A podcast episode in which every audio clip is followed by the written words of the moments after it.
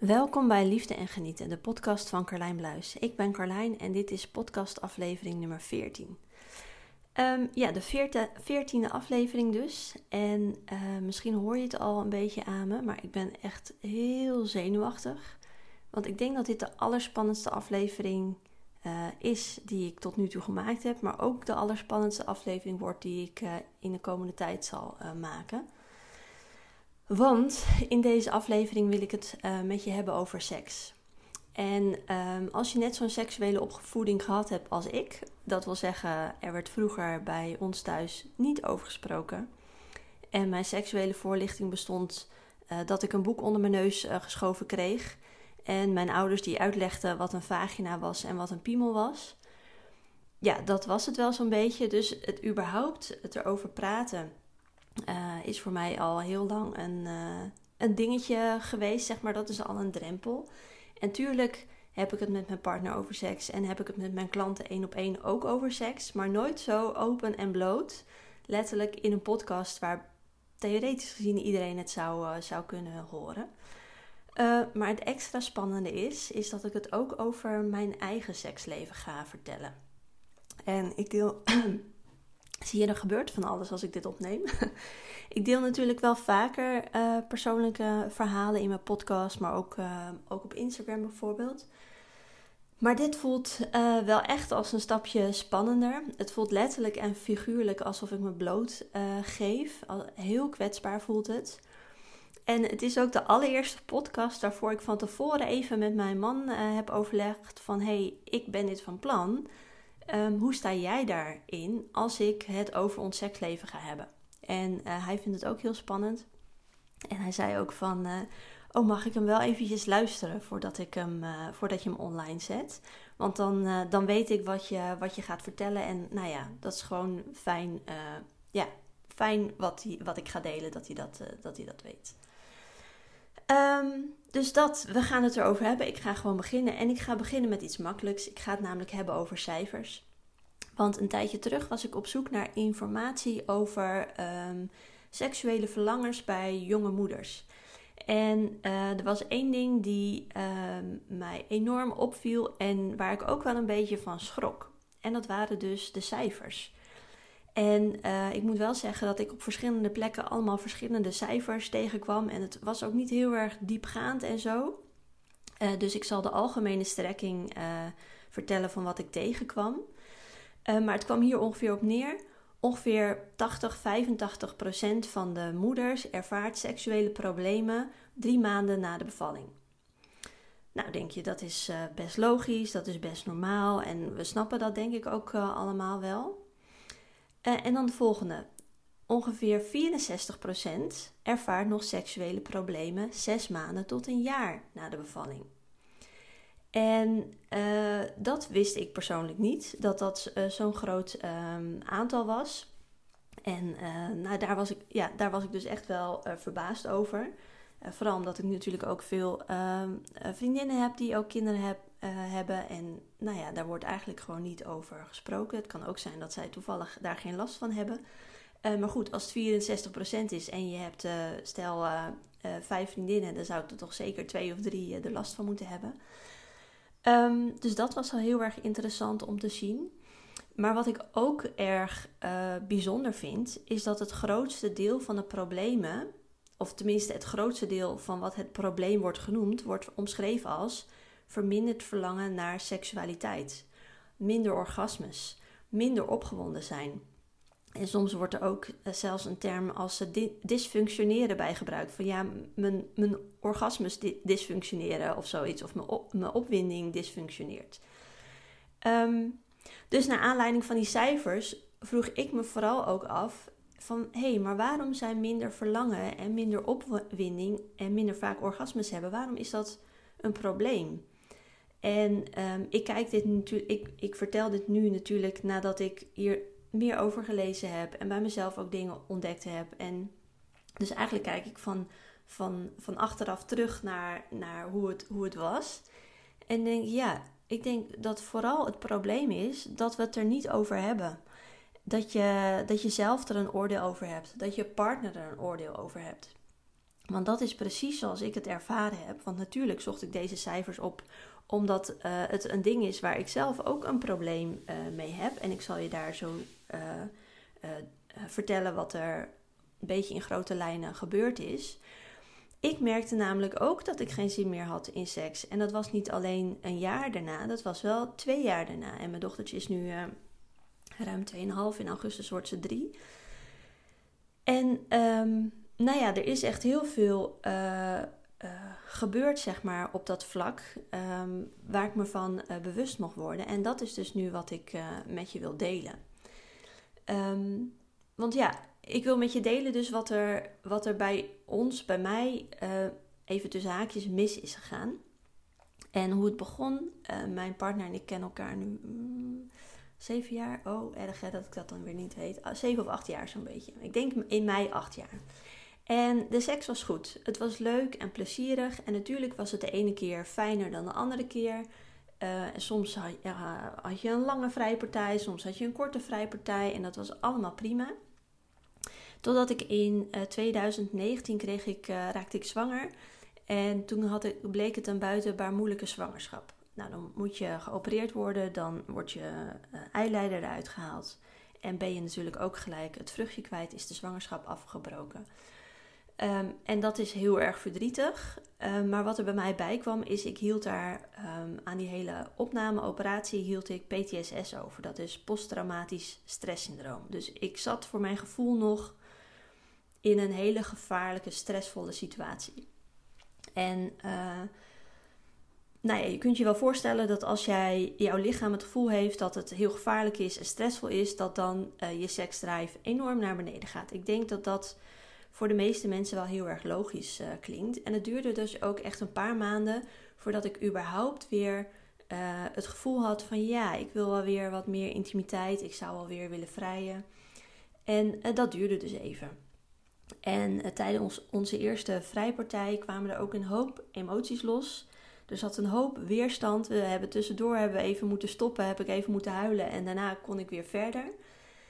En uh, dat was allemaal prima, want uh, Guido begreep het. En nou ja, het voelde voor mij ook nog een beetje uh, logisch. Um, dus dat was een beetje zoals het ging. Het was wat, het was wat moeizaam. Um, en dit kabbelde dus zo'n beetje voort totdat ik eind 2019 weer zwanger werd. Dus die operatie was in februari, half januari, februari. Um, en eind 2019 werd ik weer zwanger. En uh, dat gebeurde tijdens een vrijpartij. En misschien is dit too much informatie, um, informatie. Maar die vrijpartij was heel fijn. Het was heel liefdevol. was echt heel prettig. Eigenlijk weer zoals vanouds. En um, tijdens mijn zwangerschap uh, hadden we eigenlijk bijna geen seks. Ik had er echt absoluut geen behoefte aan. Ik was ook super moe. En als ik uh, me te veel inspande, en dat was al een boek lezen, was al heel veel inspanning, dan werd ik kotsmisselijk. Um, dus ik had er echt geen uh, behoefte aan. En ik had natuurlijk gehoord dat het wel vaker voorkwam. En ik dacht, weet je wat? Het is allemaal prima. Uh, ook Guido vond dat weer prima. En we dachten allebei, dat komt na de bevalling wel weer goed. Toen kwam de bevalling. Nou, lag ik in de kreukels. Uh, fysiek vooral had ik het, lag ik in de kreukels. Emotioneel viel het, viel het wel mee. de zin had ik nog niet en na een paar maanden, of ja, na een half jaar, ik weet het niet meer precies, maar kwam het gevoel weer wat terug. Ik voelde weer wat verlangens. Maar wat gebeurde er? Op, op het moment dat wij gingen vrijen, kwamen er allerlei ongemakkelijke emoties naar voren. In ieder geval emoties waarvan ik vond, die hoor je niet te hebben tijdens de seks. Ik voelde irritatie, ik voelde boosheid, ik voelde angst, ik voelde verdriet. Er kwam van alles naar boven. Dus de helft van de tijd lag ik te huilen. Of zei ik, nou, ik uh, heb er wel weer genoeg van hoor, blijf maar van me af. En dan was het ook gelijk weer klaar. En des te vaker dit gebeurde, des te meer weerstand kreeg ik om überhaupt een vrijpartij te beginnen.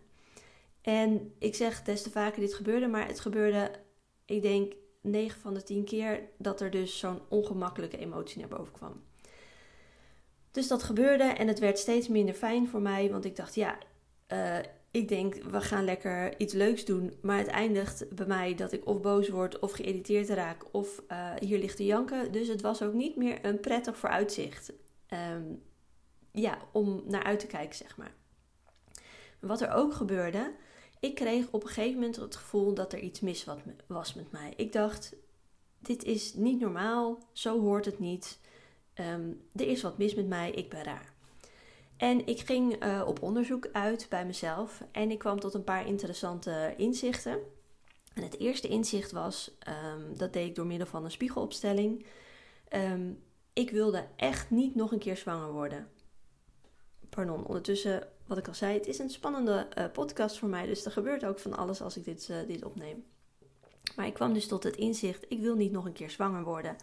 En ik dacht, ja, dat verklaart uh, de weerstand. Want uh, het is een uh, potentieel risico. Als je seks hebt, kun je zwanger worden. Ik neem ook geen anticonceptie, als in spiraaltje of pil of dat soort dingen. Voelt voor mij niet prettig.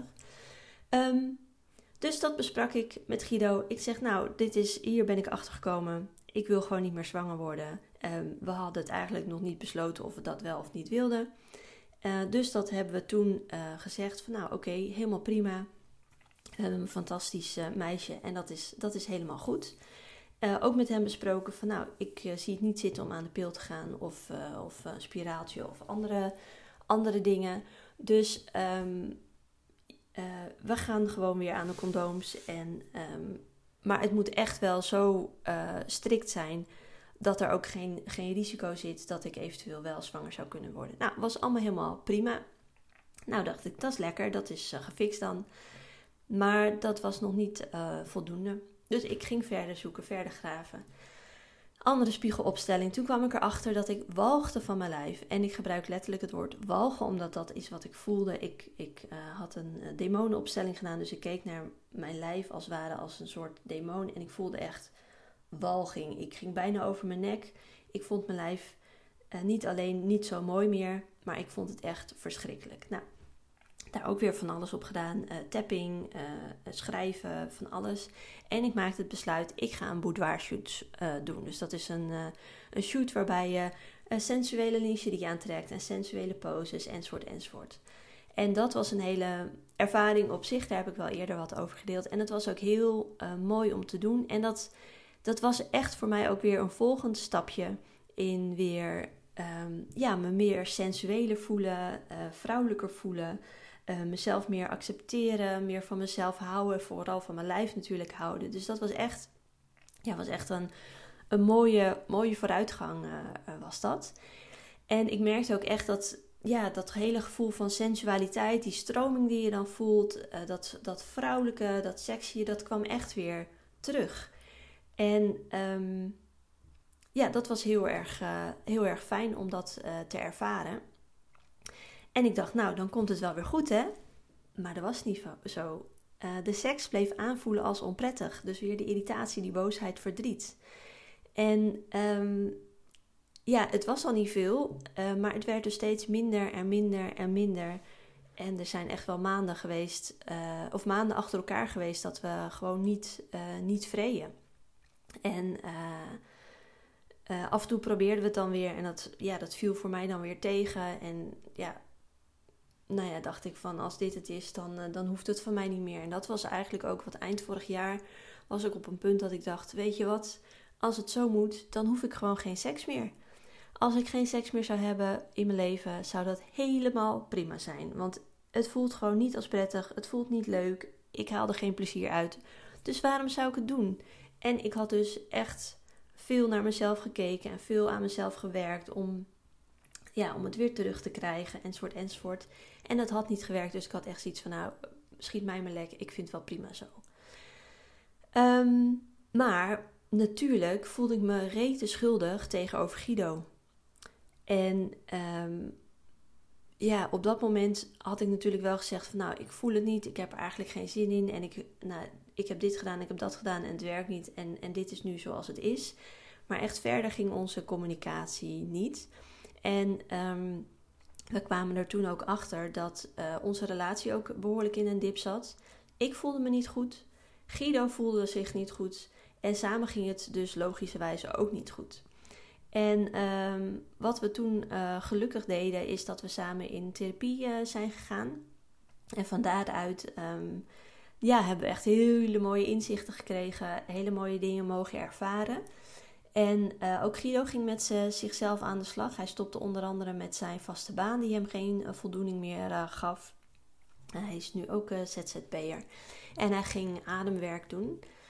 Ehm, dus dat is wat we samen deden, samen in therapie. Guido ging, nou ja, maakte een mooie beslissing voor zichzelf en ging ook dat aanwerk doen. En ik deed juist een stap terug. Ik ging minder hard aan mezelf werken en vooral accepteren dat het was zoals het was. Ik ging me ook openstellen voor wat, me was, voor wat het was. En dat was natuurlijk heel erg spannend, want ik had een idee in mijn hoofd van: oh, zo moet het weer worden, zo hoort het te zijn. Uh, dit is waar ik naartoe aan het werken ben. Maar ik, ik mocht echt een stap terug doen en denken van nee, ik weet niet hoe het, is, uh, hoe het zal gaan worden. Ik weet niet wat er gaat gebeuren. Ik weet niet wat er met mij gaat gebeuren, wat er met Guido gaat gebeuren, wat er met ons samen gaat gebeuren. En dat is echt wat ik heb mogen doen. Het, het, het eindresultaat los mogen laten. En dat was heel spannend. Um, want ja, voor hetzelfde geld uh, was ons huwelijk op de klippen gelopen. Of uh, weet ik veel wat er allemaal had, had kunnen gebeuren. Um, dus ja, dat, dat was wel een, een dingetje. Um, maar dat bleek dus wel het moment waarop alles eventjes, even, en ik zeg eventjes instort. Maar alles was echt kut op, op dat moment. Bij mij, bij Guido, bij ons samen.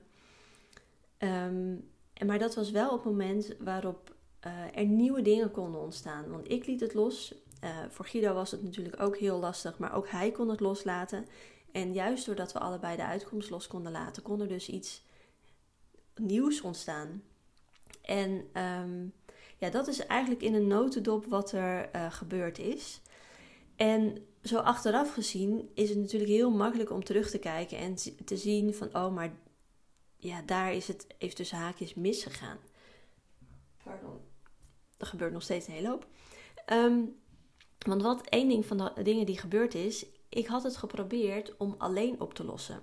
Ik dacht dat het aan mij was. Ik dacht dat ik het zelf op moest lossen. En je hoort dat ik hier nog steeds emotioneel voor word. Ik dacht echt dat er iets mis was met mij. Want um, ik kijk niet dagelijks naar cijfers van goh, hoe vaak hebben mensen seks. Maar de regel is wel die je meekrijgt vanuit grapjes, vanuit films, vanuit uit de maatschappij. Uh, dat ieder koppel uh, twee keer per week seks, seks, heeft en eentje misschien een keertje meer en de ander een keertje minder. Um, maar het, het, moet in principe altijd uh, makkelijk zijn. de hele wereld heeft seks, dus waarom lukt het mij niet? Ik voelde me echt een mislukkeling het voelde alsof mijn lichaam kapot was. Ehm, ik voelde me echt raar. Ehm, ik voelde, nou ja, wat ik al zei, ik voelde, het voelde als falen. Ik voelde me echt, nou ja, gewoon een totale mislukkeling dat ik geen seks kon hebben. Dat ik geen seks wilde hebben. Dat ik dacht van nou, geef mij een portie maar, een fikkie. Is misschien een beetje een rare woordspeling, maar goed.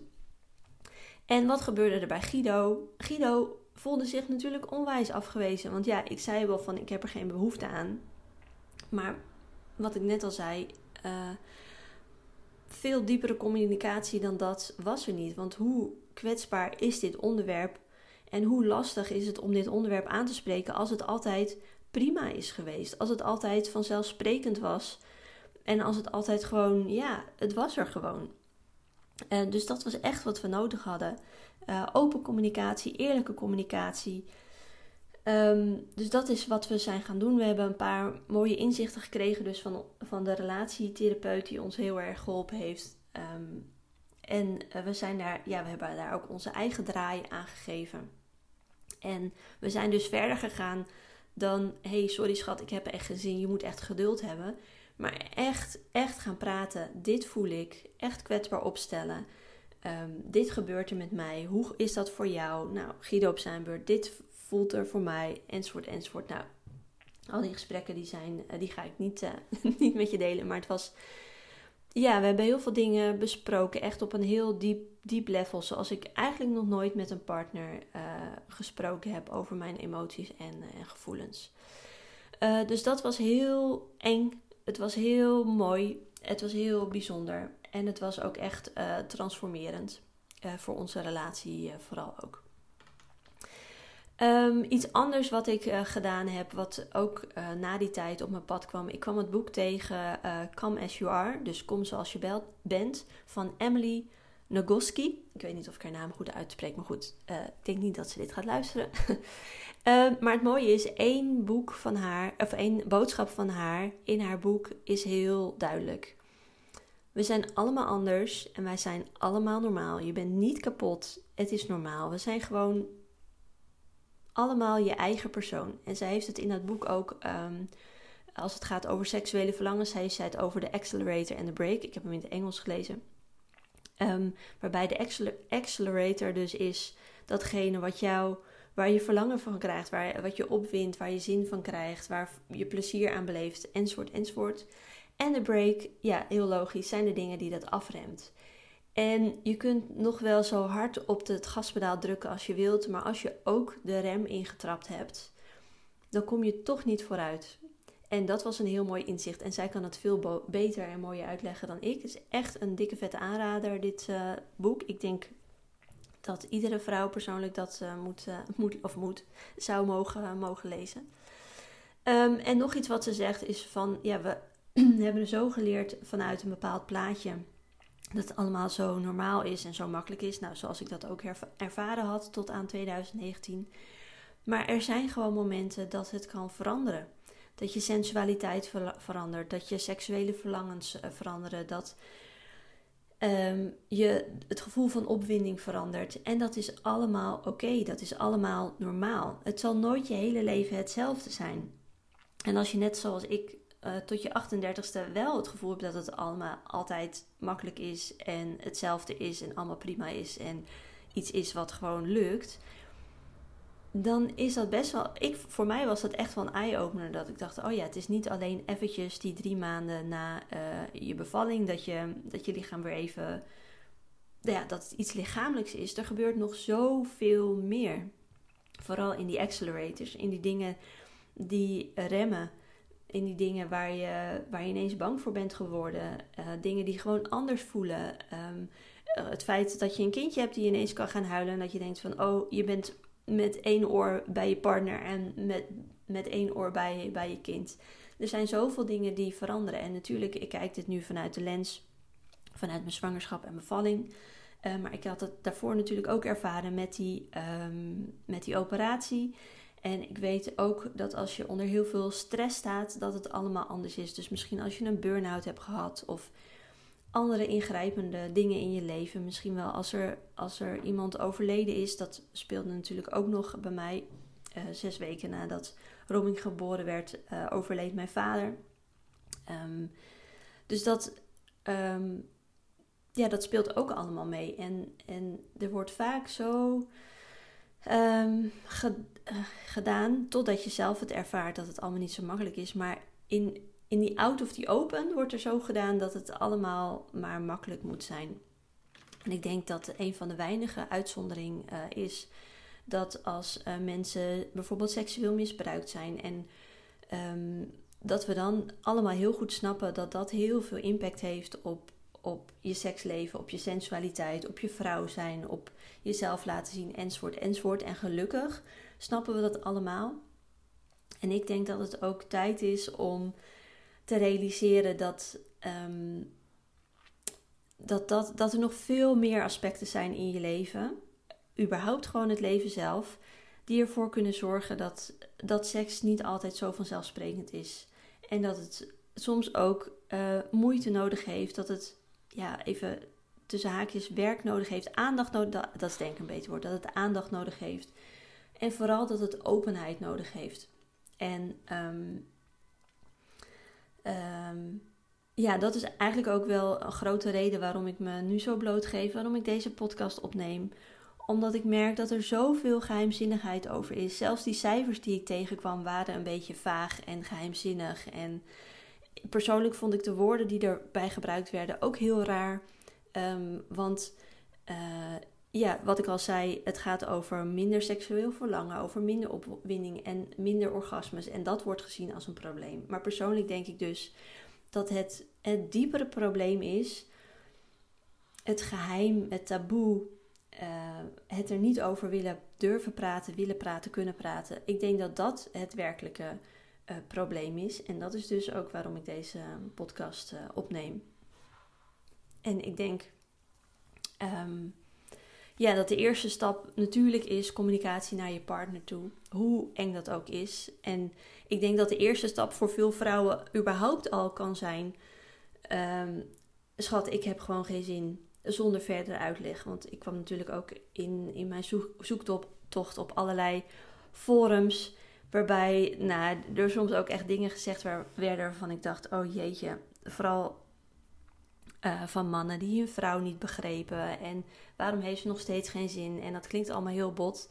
Maar ik snap aan de andere kant ook dat als je vrouw niet vertelt um, wat er aan de hand is, dat het voor de mannen nogal lastig is. Maar goed, dit is een hele andere discussie, een discussie of tenminste een heel ander onderwerp die ik nu eigenlijk niet uh, aan wil gaan. Ik kwam in ieder geval uh, veel bijzondere dingen tegen, veel onbegrip tegen, veel verdriet tegen, veel woede tegen, enzovoort, enzovoort. En ik denk dus dat uh, communicatie um, heel erg belangrijk is.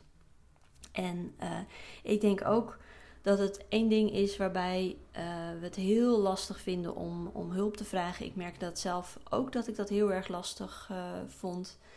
Um, en dat merk ik al als je zeg maar relatieproblemen hebt. Dat is ook zo'n ding waar een beetje taboe op zit. Bespreek je ook niet. Het is ook lastig om hulp op te vragen, enzovoort, enzovoort. Um, dus uh, waar was ik gebleven? Ik ben een beetje het verhaal kwijt, mocht je dat niet in de hebben. Um, ja, ik denk dus dat we het er meer over mogen hebben met elkaar. En het hoeft niet met je schoonmoeder en het hoeft niet met je baas of met al je collega's of met al je vriendinnen. Um, maar wel uh, met de mensen die het aangaat. Um, en dat is dus in ieder geval uh, je partner als je die hebt, of misschien wel je partners. Um, en ook denk ik dat het heel waardevol is om, um, om iemand te hebben met wie je erover kunt praten. En of dat dan een goede vriendin is, of dat dat een therapeut is, of een coach is, of een seksuoloog, of wat, zo, uh, wat soort, dat soort dingen. Dat er over gesproken wordt. En um, het is ook een van de drijfveren waarom ik nu natuurlijk het traject I Am Essential uh, ben gestart. Omdat ik vanuit mijn tenen voel dat dit iets is wat bij heel veel vrouwen speelt op welk punt ze in hun leven of in hun relatie of wat dan ook zijn. En omdat ik ook merk hoeveel taboe erop zit, omdat ik ook merk hoeveel pijn erop zit in qua schaamte en verdriet en het gevoel dat je niet oké bent en dat je raar bent en dat er iets mis met je is. Ehm, dus ja, dat. Ik denk dat ik uh, wel uh, heb verteld wat ik wilde vertellen. Ik ben ook heel erg benieuwd uh, wat je van deze podcast vond.